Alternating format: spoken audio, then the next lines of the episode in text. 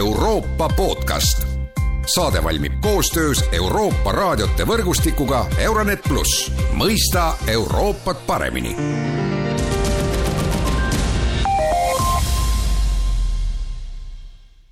Tere päevast ja tere kuulama Euroopa podcasti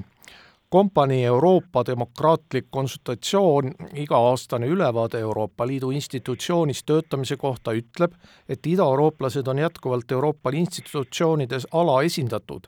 miks see nii võiks olla, sellest räägib tänases Euroopa podcastis Eesti alaline esindaja Euroopa Liidu juures, Marten Kokk, tere päevast! tere, tere, tere päevast! ja mina olen Erkki Pahovski no ja alustame siis tõepoolest äh, sellise äh, küsimusega siin, see Euroopa demokraatlik konsultatsioon on välja toonud ka arvud, et kokku Lääne- ja Lõuna-Euroopa saavad Euroopa Liidu institutsioonidest üle kaheksakümne protsendi äh, määramistest või ametitest alates Euroopa Liidu laienemisest kahe tuhande neljandal aastal ja isegi üle üheksakümne protsendi siis nendest inimestest lähevad äh, lähevad siis sellistesse kõige prestiižsematesse ametitesse, et äh, Martin Kokk, noh loomulikult tekib küsimus, et, et miks see niimoodi on? Nojah, ühesõnaga, ega see küsimus tegelikult ei ole ju uus. et, et need asjad tõesti on olnud enam-vähem sarnaselt noh, väga väikeste mööndustega ikkagi juba alates sellest ajast, kui, kui see suurem laienemine aastal kaks tuhat neli toimus ja, ja, ja mõnes mõttes muidugi peab ütlema, et need muud või noh, need kui öelda, need küsitavused või, või niisugused murekohad, ega nad, nad on natuke nad ajas muutunud. aga, aga võib-olla nii-öelda kõige üldisemana, kui ma võin alustada sellest, siis eks kõik sõltub ju sellest, palju üldse neid inimesi sinna kandideerib ja, ja ja see on tegelikult seotud minu arvates või, või ka, ka selle uuringu kohaselt, millele sa, Erki, viitsid, et on seotud sellega, milline on üldse ütleme, Euroopa Liidu prestiiž ja, ja, ja, ja huvi selle Euroopa Liidu vastu nendes liikmesriikides, et et seal on teatud korrelatsioon, on näha kohe ka sellega, kuidas, kuidas selle riigi kodanikud siis ka Euroopa Parlamenti valimas käivad, et et nendes riikides, kus see huvi Euroopa Liidu vastu on suurem ja kus ka tõepoolest Europarlamendi valijamisprotsent on kõvasti kõrgem, sealt on ka rohkem kandidaate. ja eks, eks see, eks see avaldab nagu mõju, et, et kui neid kandidaate äh, on vähe, et ega siis jõuab ka, jõuab ka neist, neist edasi muidugi ka selle võrra veel vähem. nii et eks see, eks see probleem natuke nagu on ja, ja noh, kui ma nüüd lihtsalt, kui ma nüüd mõtlen nagu Eesti peale, et, et ega, ega Eesti, ma arvan, keskmise niisuguse ülikooli lõpetaja unistus ei ole ka tegelikult ametnikukarjäär. et, et, et nad ikkagi unistavad muudest asjadest ja ja ütleme, see motivaator, mis siin oli, noh, ütleme viisteist, kakskümmend aastat tagasi, et see palk on väga kõrge, et need palga noh, tasemed on kah ikkagi sel määral ühtlustunud, et et see pole kindlasti enam ainus või, või, või põhiline eh, motivaator, et eh, teine asi, mida ma arvan, võiks nagu esile tuua, miks neid, eh, miks neid Ida-Euroopa Ida-Euroopa kandidaate jõuab vähem, vähem kõrgematele kohtadele, on, on ikkagi ka ettevalmistus et eh, noh, selle alates juba sellest keeleoskusest, et, et tegelikult need keelenõuded, mis, mis enamasti nendele tavalistele kohtadele kandideerides on, et, et sa pead oskama väga hästi üht Euroopa Liidu eh, noh, nendest kolmest suurest keelest, inglise keelt või, või prantsuse keelt või saksa keelt ja, ja, teist siis natuke vähem, aga ka eestlased ja, ja üldse Ida-Euroopas tegelikult eh, kahtlemata see prantsuse keele oskus võrreldes Hispaania või Itaaliaga on, on märkimisväärselt nõrgem nii et kindlasti natuke oma rolli mängib jah, seal ka see niisugune Euroopa Liidu keelerežiim, mis soosib tegelikult Lääne- ja, ja, ja Lõuna-Euroopa riike rohkem, et, et kui kui lihtsalt siin mõelda kõvasti, kui keegi paneks sinna juurde ka poola keele, noh eks siis, siis oleks kindlasti pilt teistsugune, aga noh, keegi seda muidugi ju tegema ei hakka, nii et, et selles mõttes ma arvan, poliitiliselt ei ole, ei ole reaalne mingisuguse niisuguse muu, muu lahenduse leidmine. ja, ja mida ma veel võin öelda, et, et muidugi eks need liikmesriikide kaupa on see ka erinev, selles mõttes, et kui me nüüd ainult Eesti olukorda konkreetselt vaatame, siis ega Eestil endal ei ole tegelikult ju väga siin kurta midagi, et meil on, on, on, eks ole, on ju eh, Charles Michel'i kabinetis on meil, on meil Piia Mattiisen, meil oli äsja oli, oli Ursula von der Leyeni juures oli Vivian Loonela eh,, Vestageri, volinik Vestageri kabinetis oli oli meil kolleeg ja, ja oli meil ka kolleeg Franz Timmermansi kabinetis, nii et, et niisugusel poliitilisel tasandil on siiski eestlased olnud ja, ja kui me vaatame ka niisugust ütleme nüüd administratiivset tasandit, siis noh, Hendrik Hololei on, eks ole, peadirektor, üks, üks kolmekümne neljast seal. et, et, et see on ka, ütleme nii-öelda, kui, kui rahvaarvu vaadata, on, on, oleme seal nagu hästi esindatud ja ja ka, ja ka ase, ase, asepeadirektorid, eks ole, meil on Signe Ratsa, Maido Rutte, et sellega on tegelikult ka kõik ju suhteliselt nagu hästi. aga, aga, aga muidugi, kui me nüüd tuleme sealt madalamale tasemele, siis seal on muidugi erinevusi. et näiteks ma arvan, vot siin jagatakse, eks ole, nii-öelda palgaastmete kaupa nüüd AD üheksa kuni AD kaksteist või ja, või seal on, seal on kindlasti nii-öelda Eesti, Eesti esindajaid proportsionaalselt vähem, kui võiks olla ja, ja kõige madalamal tasemel, mida siin nimetatakse AD5, no seal on ka vähem. Nii et, et, et tegelikult ma ütleks niimoodi, et pigem, pigem me oleme nagu eh, kõrgematel tasemel, seal on Eesti nagu hästi esindatud ja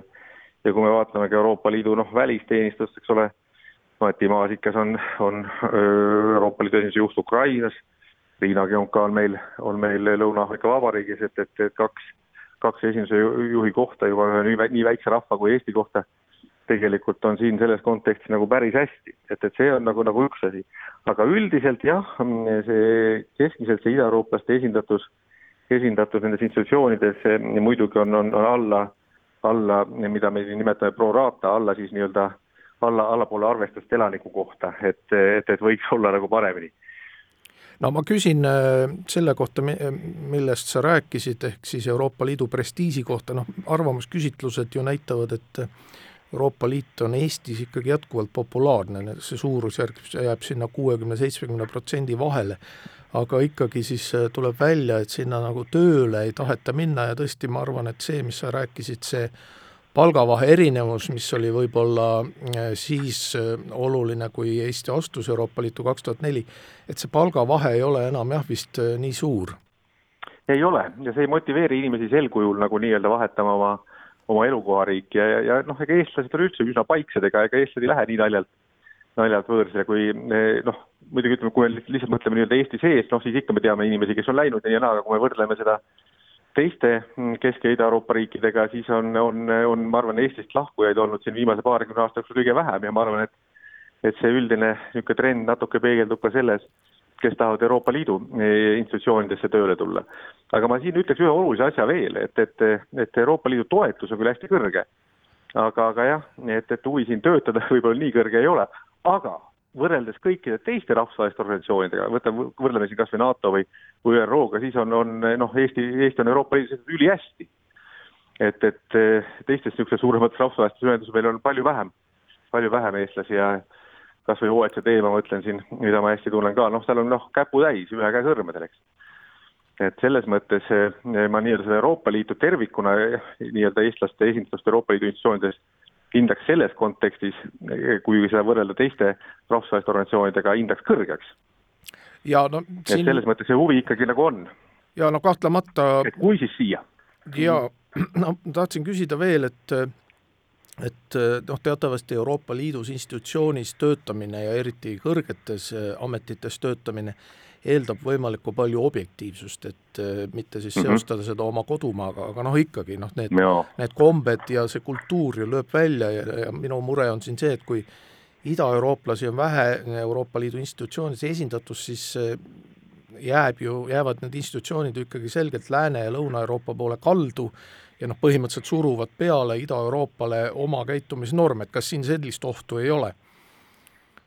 ma arvan, Erki, et kindlasti on, selles mõttes, et, et me loomulikult noh, kuidas ma ütlen, et, et, et me ju kõik ütleme ju seda, et, et, et kui sa nii-öelda oled Euroopa Liidu jaoks töötad, et siis sa pead tõesti nii-öelda oma, oma riigi huvid ära unustama ja ja olema võimalikult objektiivne, ükskõik mis küsimusega sul tegeleda ei tule aga noh, see kehahoiak ja need instinktid, eks need on ikka meil pärit oma kodumaalt. et selles mõttes ma kindlasti arvan, et, et see, ega see kahjuks ei tule, kui neid inimesi nagu, nagu rohkem on. et just nimelt ka kas või laienda seda noh, arusaamist üldistest niisugustest probleemidest, millega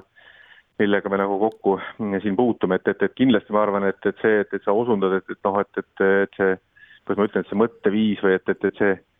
on väga niisugune sinna Lääne- ja Lõuna-Euroopa poole kaldu, et, et, et see, see kindlasti, kindlasti üks probleem on jah, et, et, et ja seda saab tasakaalustada ainult sellega, et et siiski see esindatus oleks nagu enam-vähem, enam-vähem võrdne nii-öelda kõikidest, kõikidest liikmesriikidest vastavalt nende elanike arvule. aga noh, nagu öeldud, et tegelikult probleem on ju selles, et, et mida me siis nagu taotleme, et ühest küljest me tahame ju seda, et et meil oleks siin ju kõige paremad inimesed nii-öelda kõikidest liikmesriikidest. Ja konkurents on siin väga tihe. ja seetõttu nii-öelda noh, ma ei ole ise kunagi olnud nagu veendunud selles idees, et, et, et noh, et teeme mingid kvoodid või või, või, või kuidagi nii-öelda aitame lihtsalt kunstlikult järele neid, kes on vähem esindatud. et, et tegelikult me noh, teisest küljest vajame ka võimalikult tugevat Euroopa Liidu niisugust noh, institutsioone. et me siia tingimata ei pea sellepärast, sellepärast, et keegi on vähem esindatud, nagu suruma, suruma see, suruma neid äh, vähem võimekaid kandidaate kuskil läbi, et, et, et see, see ma arvan, on ka niisugune oluline, oluline kaalutluskoht. no siin ongi aga see teisest küljest jälle jah, ma korra ütlen ühe asja, aga teisest küljest jälle see, kui on väga oluline alaesindatus, siis tegelikult tekib jälle niisugune probleem, et noh, kuidas ma ütlen, et, et, et need riigid ei tunne nagu niisugust vastutust või omalust selle Euroopa Liidu projekti eest. et väheneb ka see huvi nii-öelda nendes liikmesriikides, kus on vähe, kus on vähe esindajaid ja ja räägitakse sellest vähem, arutatakse vähem nende, nende küsimuste üle, et, et, et see ei ole ka hea, et, et, et ta võib noh, kui väga nagu laia pintslitõmbega öelda, et siis ta võib ka nagu niisugust Euroopa Liidu legitimatsiooni siis nendes, nendes liikmesriikides nagu vähendada. et selles mõttes ma arvan, et, et see on oluline väärtus ka, et, et kõikidel liikmesriikidel on noh, ütleme, ma ütleks niisugune noh, mõistlik esindatus. et ta ei ole ka liiga väike, et kui ta on liiga väike proportsionaalselt, siis see on halb no sa ju mainisid juba kvoote ja noh, tegelikult see uuring siin annab ka soovitusi, kuidas seda olukorda parandada ja üks soovitus ongi siis see positiivne diskrimineerimine ja noh, see tavaliselt tähendabki ju kvoote, et see, see siis sinu arvates mm -hmm. ei ole ka mhm. lahendus? no see on üks võimalik eh, lahendus, kui olukord on väga kriitiline ma ütleks nii alati. aga, aga kui olukord väga kriitiline ei ole, siis ma kasutaks seda, ütleme niisuguse viimase, viimase lahenduseni, et ma üldiselt ikkagi alati olen toetanud ja vot ma kogu aeg noh, filosoofilises plaanis ma toetan seda, et, et, et saaks parim kandidaat kohale. et, et kui ma mõtlen ka nii-öelda Eesti avaliku teenistuse peale, siis ma arvan, et, et see avatus ja see tegelikult tuleb ja, ja avalik konkursid, see kõik tuleb kõvasti kasuks et, et ja ma arvan, et, et sama põhimõte kehtib ka siin, et et üldiselt peaks saama parim, parim kandidaat, aga, aga jah, et, et kui see langeb alla teatud kriitilise piiri, kus tunnetuslikult siis noh, riigid hakkavad tundma, et, et, et, et nad ei ole enam rahul selle olukorraga, noh siis midagi tegema nagu peaks, on ju. aga noh, teha saab muidugi paljusid asju selles mõttes, et et see kvoot on niisugune noh, niisugune natuke, kuidas ma ütlen, niisugune mustvalge ja radikaalne lähenemine. aga, aga riigid saavad ka ise noh, julgustada oma kohalikke kandideerima ja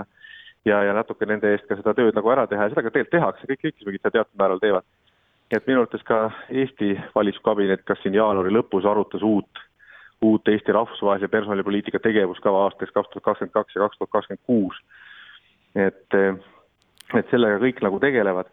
aga, aga ma tahtsin siia lisada seda, et, et, et muidugi Euroopa Liidu institutsioonidega on veel see asi, et, et siia noh, on võimalik riikidel saata ka oma rahvuslikke eksperte. et selles mõttes riik maksab tema kulu kinni, aga ta töötab siin struktuuris ja seda ka tegelikult tehakse päris nagu aktiivselt ja, ja minu arust Eesti, ma arvan, et Eestil on niisugust noh, natuke alla kolmekümne või neid rahvusvahelisi eksperte või rahvuslikke eksperte ja need on, annavad ka niisugust väga head tulemust või noh, nad tasakaalustavad siis institutsiooni sees neid, neid igasuguseid erinevaid mõtteid. aga noh, kuidas ma ütlen, no siit vaadates võib öelda, et alati võiks rohkem olla, alati võiks rohkem olla ja ja, ja ministeeriumid võiksid seda, seda rohkem ka praktiseerida, ma olen aru saanud, et huvi nagu ongi rohkem, aga aga noh, see alaline häda on ju see, et, et see kõik on kallis, maksab ja, ja noh, eks siis kui kui ministeeriumid jälle oma prioriteete seavad, noh siis tingimata ei saa kindel olla, et, et, et eelarvet vaadates see niisuguse noh, noh, eksperdi lähetamine Brüsselisse nende, nende ministeeriumide kõige esmane prioriteet on, ma arvan, see on lihtsalt reaalsus. aga, aga ma alati olen julgustanud seda, seda, seda tegema kõigi, kellega ma, kellega ma siin kohtun ja räägin, et, et, et sellest kahju, kahju Eesti riigile kindlasti ei tule no lõppu noh, selline Tallinnast ei paista need probleemid jah nii. Jaa, lõppu selline mhm. küsimus, et uh, uuring räägib ka, et oleks vaja kehtestada mingisugused eesmärgid, et et mida, mida sina selle all äh, näeksid, et kas peaksime seda protsenti siis järk-järgult suurendama, ma mõtlen seda protsenti, et inimesed, kes siis sinna tööle lähevad, äh, võrreldes siis lääne- ja lõunaeurooplastega või, või võiksid need eesmärgid olla veel midagi? ei, ma arvan, et, et iseenesest see, et, et kui me seame, seame niisuguse, ütleme, mõõdetava eesmärgi, see on juba väga oluline samm. ütleme, ütleme, kuidas, kuidas üldse mingit probleemi lahendaks, no esimene on see, et me peame seda probleemi kõik tunnistama. et, et kõik seda probleemi muidugi sellise teravusega nagu Ida-Euroopa eh, ei näe. aga ütleme, et, et aga aru saada on, et, et, et noh, mingisugune niisugune mure on et kui sa isegi mõtled selle peale, kuidas ütleme, kõige kõrgemal tasemel eh, siis nii-öelda eh, noh, komisjoni president,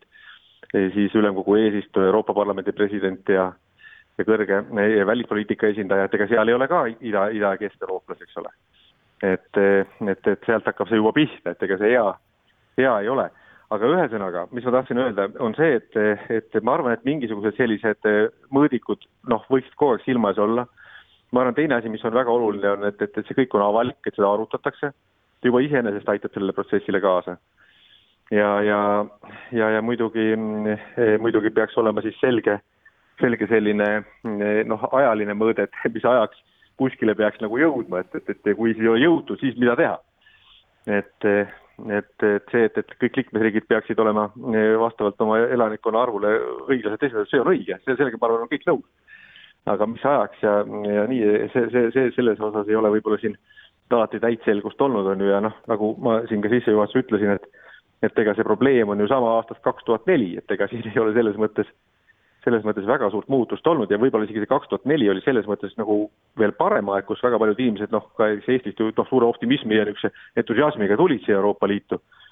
Ja, ja ka suhteliselt kõrgetele kohtadele alguses, aga noh, nüüd muidugi need noored inimesed, kes peavad alustama oma karjääri siit, siit päris alt, et ega, ega ma ei ole jah kindel, et, et, et nad seda karjäärivalikut noh, nüüd väga, väga, väga heaks nagu peavad, et, et et mul on tunne, et Eestis on mingisuguseid niisuguseid noh, ettevõtluse ja ja startup indusega seotud väljakutseid, mida noored inimesed võtavad vastu palju, palju nagu reipamalt. aga on te teisi riike, kus muideks näiteks ametniku töö on väga populaarne isegi ma mõtlen, et aga Hispaanias on väga auväärne või Prantsusmaal olla, olla riigiametnik. ja, ja, ja kindlasti sealt seetõttu on ka see, on ka see surve ja, ja huvi nagu suurem. Ja aitäh, Mart-Jan Kokk, nende kommentaaride eest, selline oli tänane Euroopa podcast, kõike head ja kuulmiseni!